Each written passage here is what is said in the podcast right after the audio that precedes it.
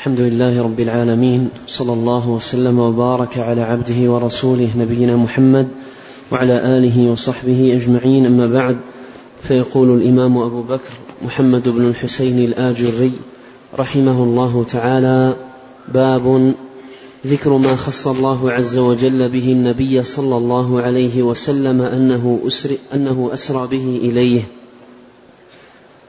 قال محمد بن الحسين رحمه الله تعالى ومما خص الله عز وجل به النبي صلى الله عليه وسلم مما أكرمه به وعظم شأنه زيادة منه له في الكرامات أنه أسرى بمحمد صلى الله عليه وسلم بجسده وعقله حتى وصل إلى بيت المقدس. ثم عرج به إلى السماوات فرأى من آيات ربه الكبرى رأى ملائكة ربه عز وجل وراى إخوانه من الأنبياء حتى وصل إلى مولاه الكريم فأكرمه بأعظم الكرامات وفرض عليه وعلى أمته خمس صلوات وذلك بمكة في ليلة واحدة ثم أصب ثم أصبح بمكة سر الله به أعين المؤمنين وأسخن به أعين الكافرين وجميع الملحدين. قال الله عز وجل سبحان الذي أسرى بعبده ليلا من المسجد الحرام إلى المسجد الأقصى الذي باركنا حوله لنريه من آياتنا إنه هو السميع البصير. نعم. بسم الله الرحمن الرحيم. الحمد لله رب العالمين وأشهد أن لا إله إلا الله وحده لا شريك له وأشهد أن محمدا عبده ورسوله صلى الله وسلم عليه وعلى آله وأصحابه أجمعين. اللهم علمنا ما ينفعنا وانفعنا بما علمتنا وزدنا علما وأصلح لنا شأننا كله ولا تكلنا إلى أنفسنا طرفة عين. أما بعد هذه الترجمة باب ذكر ما خص الله عز وجل به النبي صلى الله النبي صلى الله عليه وسلم أنه أسرى به إليه. عقدها رحمه الله تعالى لبيان هذه الفضيلة العظيمة والمنقبة الجليلة وما خص الله به نبيه ومصطفاه صلوات الله وسلامه عليه من هذه الكرامة العظيمة التي أكرمه الله سبحانه وتعالى بها وشرفه وزاده شرفا وفضلا ونبلا أن أسرى به في ليلة واحدة من مكة إلى بيت المقدس ثم عرج به في الليلة نفسها إلى ما فوق السماء السابعة. ولنستحضر في هذا المقام ما دلت عليه الأحاديث والأخبار من بعد هذه المسافات فإن بين كل سماء وسماء مسيرة خمسمائة عام وثخن كل سماء مسيرة خمسمائة عام وبين السماء والأرض مسيرة خمسمائة عام. وجميع هذه المسافات الشاسعة الطويلة المتباعدة قطعها عليه الصلاة والسلام ذهابا وايابا في ليلة واحدة.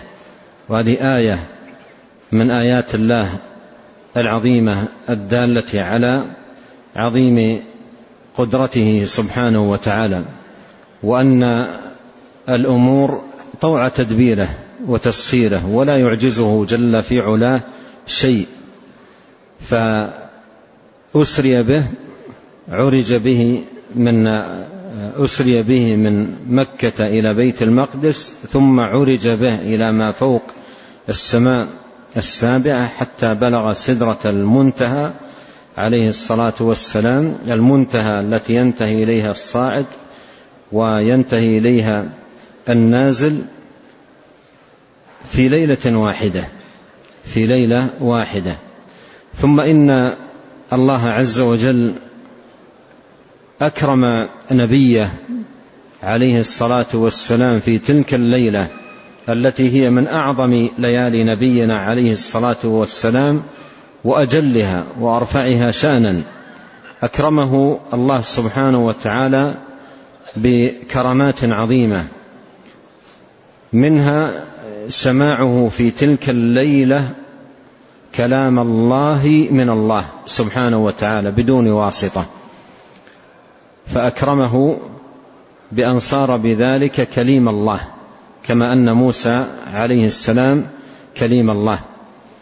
وموسى عندما سمع كلام الله سمعه وهو في الأرض عند جبل الطور. أما نبينا عليه الصلاة والسلام فإن الله أكرمه بهذا العلو وهذا الارتفاع والعروج إلى ما فوق السماء السابعة يمر بملائكة كل سماء يسلمون عليه ويرحبون به وفي كل سماء يلقى من فيها من أنبياء الله عز وجل ويسلم عليهم ثم بلغ إلى سدرة المنتهى. وسمع كلام الله سبحانه وتعالى من الله. فهذه مكرمة عظيمة مكرمة عظيمة أكرم الله سبحانه وتعالى بها نبيه في تلك الليلة الجليلة المباركة ليلة الإسراء والمعراج. وكان ذلك كان ذلك الإسراء والمعراج قبل المبعث قبل المبعث بثلاث سنوات تقريبا.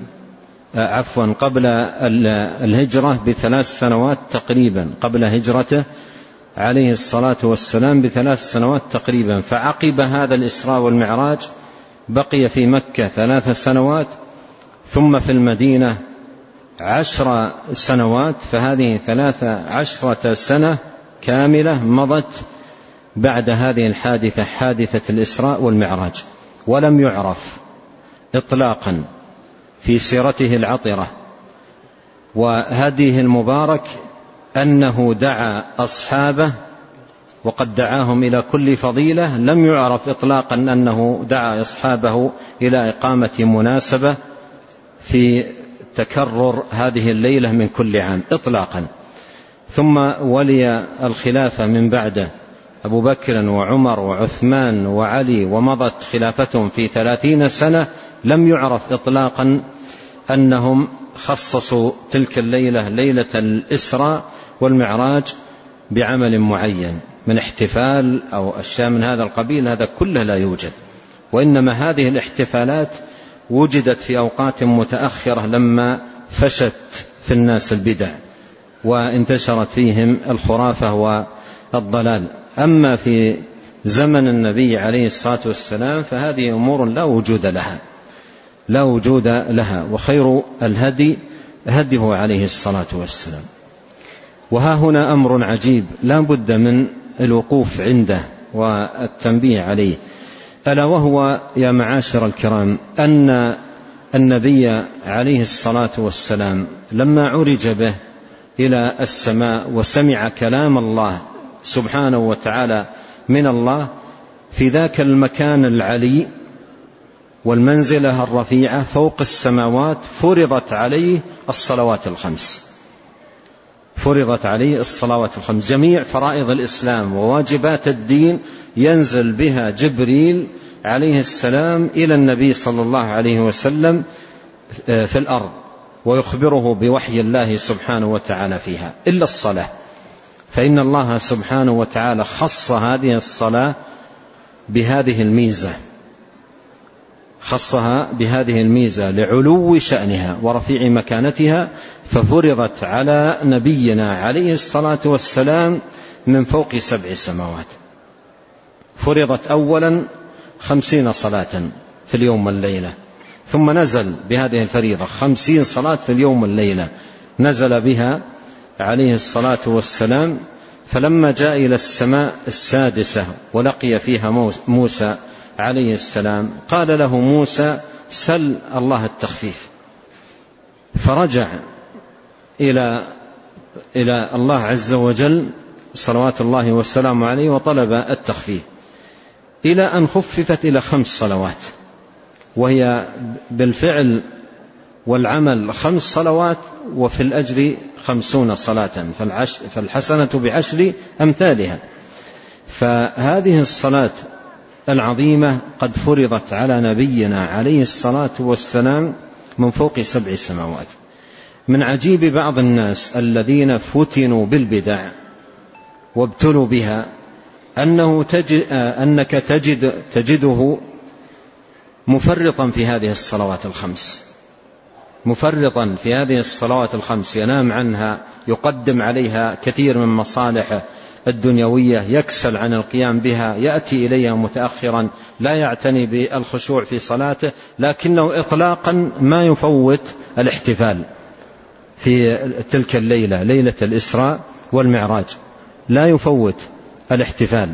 فهذا الذي لا أصل له لا يفوته والفريضة فريضة الإسلام تجده مفرطا فيها حتى إنه بعض هؤلاء أصلحنا الله أجمعين وهدانا إليه طريقا مستقيمة بعض هؤلاء حتى في ليلة المعراج يسهر طول الليل في الاحتفال والأكل وما إلى ذلك وينام عن الفجر في تلك الليلة. وهذا من العجائب. هذا من العجائب في حال بعض الناس في ضياع الخير والابتلاء بالخرافة والبدعة وما لم ينزل الله سبحانه وتعالى به سلطانا. ومن عافاه الله يحمد الله على العافية. والمبتلى يسأل الله الهداية. لا ينبغي الإنسان أن يصر حتى ولو نشأ على أمر درج عليه المجتمع أو الآباء أو نحو ذلك. إذا استبان له الحق والهدى لا يجوز له أن يدع, أن يدع ذلك لأحد لقول أحد كائنا من كان. فالحق أحق أن يتبع. فالحاصل أن هذه الصلاة العظيمة المباركة فرضت على نبينا عليه الصلاة والسلام من فوق سبع سماوات فأعظم أو من أعظم الدروس والعبر والفوائد التي ينبغي أن تستفاد من حادثة الإسراء والمعراج أو قصة الإسراء والمعراج أن نحافظ على الصلوات الخمس. أن نحافظ على الصلوات الخمس وأن نعنى بها. وأن, وأن يعظم قدرها في قلوبنا ومكانتها في نفوسنا وأن نشتد في المحافظة عليها والمواظبة عليها والعناية بها لأنها فرضت في هذا المقام الرفيع العلي الذي أكرم الله سبحانه وتعالى به نبيه آه، محمدا صلوات الله وسلامه وبركاته عليه. قول المصنف رحمه الله في الترجمة ذكر ما خص الله عز وجل به النبي صلى الله عليه وسلم أنه أسرى به إليه. أنه أسرى به إليه. العبارة فيها شيء من الاختصار يتضح في الشرح الذي ساقه بعدها. فهو عليه الصلاة والسلام أسري به إلى بيت المقدس. سبحان الذي أسرى بعبده ليلا من المسجد الحرام إلى المسجد الأقصى الذي باركنا حوله.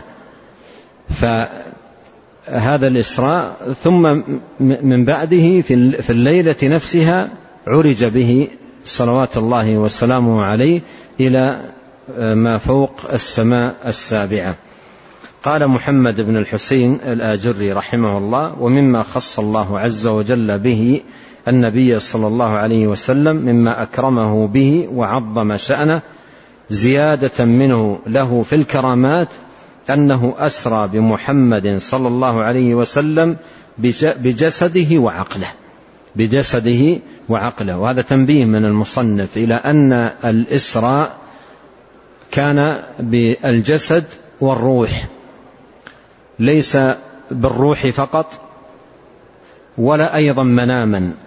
لم يكن ذلك مجرد رؤيا رآها في المنام بل أسري به وعرج به إلى ما فوق السماء السابعة بجسده وروحه. فلم يكن الإسراء بالروح وحدها ولم يكن أيضا آه، برؤيا رآها في المنام بل أسري به ثم عرج به إلى السماء في ليلة واحدة بروحه وجسده. صلوات الله وسلامه وبركاته عليه حتى وصل إلى بيت المقدس ثم عرج به إلى السماوات. ثم عرج به إلى السماوات. فرأى من آيات ربه الكبرى رأى ملائكة ربه عز وجل أي في كل سماء يدخلها يحييهم ملائكتها ومن فيها من ملائكة الرحمن ويرحبون به. ورأى إخوانه من الأنبياء وسيأتي تفصيل ذلك فيما ساقه رحمه الله من أحاديث حتى وصل إلى مولاه الكريم. أي دنا واقترب عليه الصلاة والسلام ولم يثبت في الأحاديث أنه رأى ربه عليه الصلاة والسلام عندما عرج به إلى السماء. لم يثبت أنه رأى ربه بل لما سئل عن ذلك قال نور أن أراه نور أن أراه. فلم يثبت أنه آه، رأى ربه عليه الصلاة والسلام لكن حصل له الدنو والقرب والرفعة والعلو والكرامة العظيمة التي أكرمه الله سبحانه وتعالى بها. قال فأكرمه بأعظم الكرامات وفرض عليه وعلى أمته خمس صلوات وذلك بمكة يعني قبل الهجرة بثلاث سنوات تقريبا. في ليلة واحدة في ليلة واحدة هذه الليلة التي ليلة الإسراء والمعراج لم يثبت بسند صحيح تعيين يوم تلك الليلة ولا تعيين شهرها بل بين أهل العلم خلاف طويل عريض متى كانت تلك الليلة وفي أي شهر وفي أي شهر. وأما ما شاع عند كثير من الناس أن ليلة الإسراء والمعراج هي ليلة السابع والعشرين من شهر رجب فهذا لا دليل عليه. فهذا لا دليل عليه. وخفاء خفاء يوم هذه الليلة وشهر وشهرها وعدم ثبوته في دليل يدل على أنها لم تخص بشيء. يدل على أنها لم تخص بشيء بعبادة مطلوب من العباد شرعا أن يقوموا بها. لأن الأيام التي خصت بعبادات والأوقات التي خصت بعبادات ضبط وقتها. مثلا يوم عاشوراء أو مثلا يوم عرفة أو آه، نحو ذلك من الأيام التي خصت بعبادات معينة حفظ. يومها لأنها مخصوصة بعبادة. أما الإسراء والمعراج فلما لم يكن مخصوصا بعمل معين يطلب من المسلمين أن يقوموا به في تلك الليلة في تلك الليلة فلم يضبط يوم آه، فلم يضبط أو تضبط تلك الليلة أي ليلة هي لأنها لم تخص بعبادة. ولو كانت مخصوصة بعبادة مطلوبة كل ما تكرر تلك الليلة لكانت ضبطت كما ضبطت سائر الليالي. لكن لم يعرف يعني لم يثبت بحديث صحيح تعيين تلك الليلة. وهذا من أبين الدلائل على أنها لم تخص شرعا بعمل أو بعبادة معينة مطلوب من المسلم أن يقوم بها فتخصيصها باحتفال يصنع فيه طعام ويجتمع فيه الناس وتخص بأعمال معينة هذا كله داخل في البدع.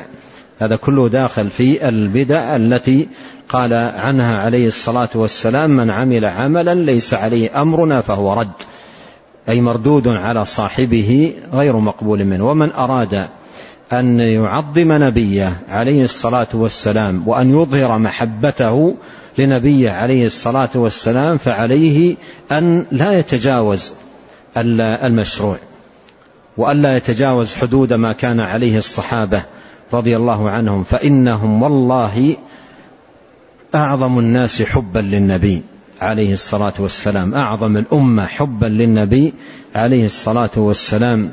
وتعظيما له ومعرفة لقدره وقياما بحقوقه صلوات الله وسلامه وبركاته عليه. قال ثم أصبح بمكة. ثم أصبح بمكة أي أنه في هذه الليلة الواحدة ليلة الإسراء والمعراج آه، أسري به إلى بيت المقدس ثم عرج به إلى آه، ما فوق السماء السابعة ثم أصبح بمكة. سر الله الكريم به أعين المؤمنين. لأن المؤمن يدرك أن هذه كرامة ومنة وعطية عظيمة ومنقبة جليلة فضل الله بها نبيه عليه الصلاة والسلام وشرفه بها وأسخن بها أعين الكافرين وجميع الملحدين. ثم أورد رحمه الله قول الله عز وجل في صدر سورة الإسراء سبحان الذي أسرى بعبده ليلا من المسجد الحرام إلى المسجد الأقصى الذي باركنا حوله لنريه من آياتنا. إنه هو السميع البصير. نعم. قال رحمه الله تعالى وقد بين النبي صلى الله عليه وسلم كيف أسري به وكيف ركب البراق وكيف عرج به ونحن نذكره إن شاء الله. وقد بين النبي صلى الله عليه وسلم كيف أسري به. أي في الأحاديث التي صحت عنه. وهنا يتنبه حتى أيضا فيما ساقه المصنف يتنبه إلى أن ما يروى في الإسراء والمعراج وأيضا في غيره فيه الصحيح وفيه الضعيف. فيه الغث وفيه السمين. فيه الثابت عن النبي عليه الصلاة والسلام وفيه غير الثابت. والمعتبر والمعتمد هو ما ثبت. عن النبي الكريم عليه الصلاة والسلام. والأحاديث الضعيفة وأشد منها الأحاديث الواهية والموضوعة يكون فيها من التوسع والتكلف وذكر أمور آه، ومبالغات ومجازفات فهذه كلها لا يلتفت إليها. هذه كلها لا يلتفت إليها وإنما المعتمد هو ما صح وثبت عن النبي الكريم صلوات الله وسلامه عليه. نعم. قال رحمه الله تعالى حدثنا أبو بكر جعفر بن محمد الفريابي قال حدثنا يزيد بن خالد بن موهب الرملي قال حدثنا عبد الله بن وهب قال حدثنا يونس بن يزيد عن ابن شهاب الزهري عن أنس بن مالك رضي الله عنه قال كان أبو ذر رضي الله عنه يحدث أن رسول الله صلى الله عليه وسلم قال فرج سقف بيتي وأنا بمكة فنزل جبريل عليه السلام ففرج صدري ثم غسله من ماء زمزم. ثم جاء بطست من ذهب مملوء حكمة وإيمانا فأفرغها في صدري ثم أطبقه ثم أخذ بيدي فعرج بي إلى السماء. فلما جاء إلى السماء الدنيا قال جبريل لخازن السماء افتح. قال من هذا؟ قال جبريل قال هل معك أحد؟ قال نعم. محمد صلى الله عليه وسلم. فقال أرسل إليه قال نعم فافتح ففتح قال فلما علونا السماء الدنيا إذا رجل عن يمينه أسودة وعن يساره أسودة فإذا نظر قبل يمينه ضحك وإذا نظر قبل شماله بكى. فقال مرحبا بالنبي الصالح والابن الصالح. قال قلت يا جبريل من هذا؟ قال هذا آدم وهذه الأسودة عن يمينه وعن شماله نسم بنيه. فأهل اليمين منهم أهل الجنة والأسودة عن شماله أهل النار. فإذا نظر عن يمينه ضحك وإذا نظر عن شماله بكى. قال ثم رجع بي جبريل عليه السلام حتى أتينا السماء الثانية. فقال لخازنها افتح. فقال له خازنها مثل ما قال خازن السماء الدنيا ففتح. قال أنس رضي الله عنه فذكر أنه وجد في السماوات آدم وإدريس وعيسى وموسى وإبراهيم عليهم السلام ولم يثبت كيف منازلهم. غير أنه قد ذكر أنه وجد آدم في السماء الدنيا وإبراهيم في السادسة. وقال فلما مر جبريل ورسول الله صلى الله عليه وسلم بإدريس عليه السلام قال مرحبا بالنبي الصالح والأخ الصالح. قال ثم مررت فقلت من هذا؟ قال هذا إدريس. قال ثم مررت بموسى. قال مرحبا بالنبي الصالح والأخ الصالح. قلت من هذا؟ قال هذا موسى. قال ثم مررت بعيسى. فقال مرحبا بالنبي الصالح والأخ الصالح. قلت من هذا؟ قال هذا عيسى. قال ثم مررت بإبراهيم عليه السلام فقال مرحبا بالنبي الصالح والابن الصالح. فقلت من هذا؟ قال هذا إبراهيم عليه السلام. قال ابن شهاب الزهري فأخبرني ابن حزم أن ابن عباس رضي الله عنهما وأبا حبة الأنصاري كان يقولان قال رسول الله صلى الله عليه وسلم عرج بي حتى ظهرت بمستوى العرش. قال ابن حزم وأنس بن مالك قال رسول الله صلى الله عليه وسلم ففرض الله عز وجل علي على ففرض الله عز وجل على أمتي خمسين صلاة قال فرجعت بذلك حتى مررت بموسى عليه السلام فقال موسى ماذا فرض ربك على أمتك قال فقلت فرض عليهم خمسين صلاة قال موسى راجع ربك فإن أمتك لا تطيق ذلك قال فراجعت ربي عز وجل فوضع شطرها. قال فرجعت إلى موسى فأخبرته. قال راجع ربك فإن أمتك لا تطيق ذلك. قال فراجعت ربي عز وجل فقال هي خمس وهي خمسون لا يبدل القول لدي. قال فرجعت إلى موسى فقال راجع ربك. فقلت قد استحييت من ربي عز وجل. قال ثم انطلق بي حتى أتي بي سدرة المنتهى فغشاها ما غشا من أنوان ما أدري ما هي. قال ثم أدخلت الجنة فإذا هي جنابذ اللؤلؤ وإذا ترابها المسك. ثم ساق رحمه الله تعالى هذا الحديث حديث أنس بن مالك رضي الله عنه وهو مخرج في الصحيحين صحيحي الإمام البخاري ومسلم وغيرهما وفيه ذكر آه، آه، هذه الحادثة العظيمة التي آه، وهي حادثة الإسراء والمعراج وما أكرم الله سبحانه وتعالى فيها نبيه عليه الصلاة والسلام من كرامات عظيمة. وبدء ذلك أنه فرج سقف بيته وهو بمكة فنزل عليه جبريل ففرج صدره عليه الصلاة والسلام ثم غسله من ماء زمزم. ثم جاء بطست من ذهب مملوءا حكمة حكمة وإيمانا فأفرغها في صدري وهذا كله تهيئة تهيئة لهذه هذه المكرمة العظيمة وهذا العروج الذي أكرم الله سبحانه وتعالى به نبيه عليه الصلاة والسلام. وهذا يفيدنا أن حادثة شق الصدر صدر النبي عليه الصلاة والسلام تكررت حتى ذكر بعض العلماء أنها حصلت أربع مرات ومنهم من قال حصلت ثلاث مرات فهذه من المرات الثابتة. ومنها أيضا لما كان في عند حليمة السعدية في وقت الرضاع صلوات الله وسلامه وبركاته عليه. فالحاصل أنه شق صدره عليه الصلاة والسلام من لبة الصدر أعلاه إلى ما تحت السرة. فتح كاملا شق صدره عليه الصلاة والسلام ثم غسل بماء زمزم ثم حشي آه، إيمانا وحكمة. حشي وملئ إيمانا وحكمة. ثم التأم صدره عليه الصلاة والسلام في في في في في, في اللحظة نفسها.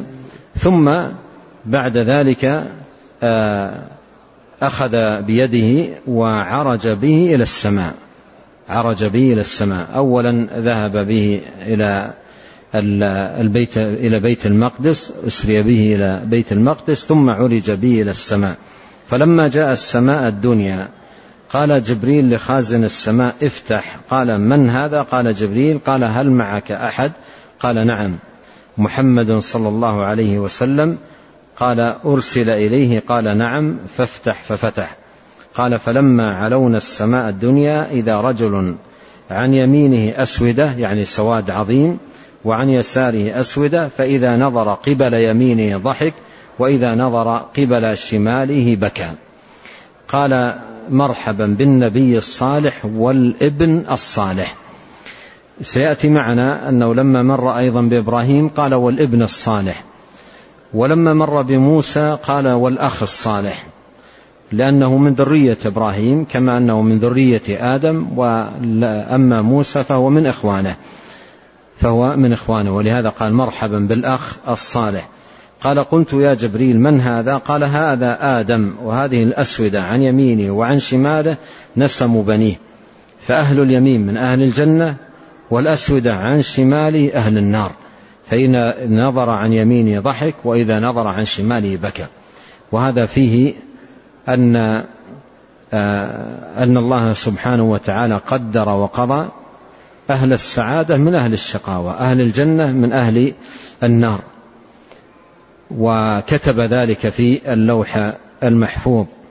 وما قدره سبحانه وتعالى هو الكائن. فلا يكون إلا ما قدر الله. والعبد لا يعلم ما الذي قدر له. ولهذا طلب من العبد أمران في هذا المقام. أن يجاهد نفسه على حسن العمل الذي تكون به النجاة وأن يسأل ربه أن يسأل ربه حسن القضاء. أن يسأل ربه الهداية أن يسأل ربه الثبات على الحق والهدى وأن تجعل كل قضاء قضيته لي خيرا يدعو ربه. فيجمع بين الأمرين يجاهد نفسه يدعو ربه ويستعين بمولاه جل في علاه. ولهذا في الحديث لما قال الصحابة رضي الله عنهم أنعمل فيما قدر وقضي أو في أمر مستأنف. قال بل فيما قدر وقضي. قالوا ففيما العمل؟ قال اعملوا. فكل ميسر لما خلق له. اعملوا هذا أمر بالعمل مجاهدة النفس على العمل. كل ميسر لما خلق له هذا فيه الاستعانة بالرب وسؤال التيسير والتوفيق لأن التيسير بيد الله والتوفيق بيده سبحانه وتعالى. ولهذا يحتاج العبد في هذا المقام إلى أن يجاهد نفسه مجاهدة تامة على حسن العمل وأن يكثر من اللجوء إلى الله أن يثبته أن يهديه أن لا يزيغ قلبه أن يجعل كل قضاء قضاه له خيرا. قال ثم عرج بي عرج بي جبريل عليه السلام حتى أتينا السماء الثانية فقال خازنها افتح. فقال له خازنها مثل ما قال خازن السماء الدنيا ففتح. قال أنس فذكر أنه وجد في السماوات آدم وإدريس وعيسى وموسى وإبراهيم عليه السلام عليهم السلام ولم يثبت ولم يثبت كيف منازلهم. لكن جاء في في رواية أخرى إثبات المنازل. يعني من الذي وجد في السماء الدنيا ومن الذي وجد في السماء الثانية وهكذا إلى السماء السابعة. و لقياه الأنبياء عليه الصلاة والسلام. كما بين أهل العلم لقيا لأرواحهم أما أجسادهم فهي مدفونة في آه، آه، الأرض عليه الصلاة والسلام. فهي أرواحهم مثلت في صورة أجسادهم فلقيهم على ذلك. إلا عيسى عليه السلام وأيضا كذلك إدريس فيما ذكر ورفعناه مكانا عليا. وعيسى بل رفعه الله إليه فعيسى رفع إلى السماء بروحه وجسده ولهذا لقيه لم يدفن في الأرض بل رفع إلى السماء وينزل في آخر الزمان ونزول آية من آيات الساعة وإنه لعلم للساعة أي علامة من علامات دنو قيامها. فرأى عيسى بروحه وجسده. أما الأنبياء الآخرين آدم وإبراهيم وموسى فرأى أرواحهم مثلت في صورة أجسادهم. قال فلما مر جبريل ورسول الله صلى الله عليه وسلم بإدريس عليه السلام قال مرحبا بالنبي الصالح والأخ الصالح. ثم قال مررت؟ فقلت من هذا؟ قال هذا إدريس. ثم مررت بموسى قال مرحبا بالنبي الصالح والأخ الصالح. قلت من هذا؟ قال هذا موسى. قال ثم مررت بعيسى. فقال مرحبا بالنبي الصالح والأخ الصالح. فقلت من هذا؟ قال هذا عيسى. قال ثم مررت بإبراهيم عليه السلام. فقال مرحبا بالنبي الصالح والابن الصالح. قلت من هذا؟ قال هذا إبراهيم. قال ابن شهاب فأخبرني ابن حزم أن ابن عباس وأبا حبة الأنصاري كان يقولان قال رسول الله صلى الله عليه وسلم ثم عرج بي حتى ظهرت بمستوى العرش. آه، في الروايات التي جاءت الحديث آه، قال حتى ظهرت بمستوى أسمع فيه صوت حملة العرش. أسمع فيه صوت حملة العرش. ثم ذكر عليه الصلاة والسلام أن الله عليه أن الله عز وجل افترض عليه الصلوات خمسين صلاة. فرجعت بذلك نزل بهذه الفريضة خمسين صلاة في اليوم والليلة. حتى مررت بموسى عليه السلام فقال موسى ماذا فرض ربك على أمتك؟ قال قلت فرض عليهم خمسين صلاة. قال موسى راجع ربك فإن أمتك لا تطيع لا تطيق ذلك. قال فراجعت ربي. فوضع شطرها يعني نصفها. أي أصبحت خمسة وعشرين. فرجعت إلى موسى فأخبرته قال راجع ربك فإنك لا تطيق ذلك. قال فراجعت ربي عز وجل فقال هي خمس وهي خمسون. خمس أي بالعمل وخمسون أي بالأجر والمثوبة. لا يبدل القول لدي قال فرجعت إلى موسى قال راجع ربك. فقلت قد استحييت من ربي. قلت قد استحييت من ربي. استحيا من ربه في التخفيف لأنه راجعه أكثر من مرة. فقال استحييت من ربي. انظر كلمة استحييت وتأمل في واقع الناس أو واقع عدد من الناس كيف لا يستحيون من الله فلا يحافظون على هذه الصلاة. كيف لا يستحيون من رب العالمين؟ وهم يعلمون أن الله مطلع عليهم ولا يحافظون على هذه الصلاة. يضيعون صلاة تلو صلاة ويفرطون فيها. ف وأعظم الحياء الواجب على العبد الحياء من رب العالمين. الحياء من رب العالمين الذي يراك حين تقوم المطلع عليك الذي لا تخفى عليه سبحانه وتعالى خافية. فكيف يليق بعبد يعلم أن ربه سبحانه وتعالى افترض عليه هذه الصلاة خمس مرات في اليوم والليلة بعد أن خففت وكانت خمسين صلاة في اليوم والليلة ثم يفرط فيها. في الأربع والعشرين ساعة خمس مرات. وأجرها أجر خمسين. وثوابها عند الله سبحانه وتعالى ثواب عظيم. بل جاء في الحديث القدسي ما تقرب إلي عبدي بشيء أحب إلي مما افترضته عليه. والصلاة هي من أعظم فرائض الإسلام وأوجبها على العباد. قال ثم انطلق بي حتى أتى بي سدرة المنتهى فغشاها ما غشا من ألوان ما أدري ما هي. قال ثم أدخلت الجنة فإذا فيها جنابذ اللؤلؤ وإذا ترابها المسك. وهذا أيضا من الآيات العظيمة والكرامات التي حصلت لنبينا عليه الصلاة والسلام في الليلة آه، تلك الليلة ليلة المعراج.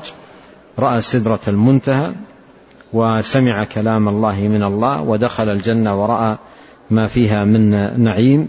صلوات الله وسلامه وبركاته عليه. نعم. قال رحمه الله تعالى حدثنا أبو أحمد هارون بن يوسف قال حدثنا ابن أبي عمر العدني قال حدثنا عبد الرزاق وعبيد الله بن معاذ قالا أخبرنا معمر عن أبي هارون العبدي عن أبي سعيد الخدري رضي الله عنه في قول الله عز وجل سبحان الذي أسرى بعبده ليلا من المسجد الحرام إلى المسجد الأقصى. قال حدثنا النبي صلى الله عليه وسلم عن ليلة أس عن ليلة أسري به قال نبي الله صلى الله عليه وسلم أوتيت بدابة هي أشبه الدواب بالبغل.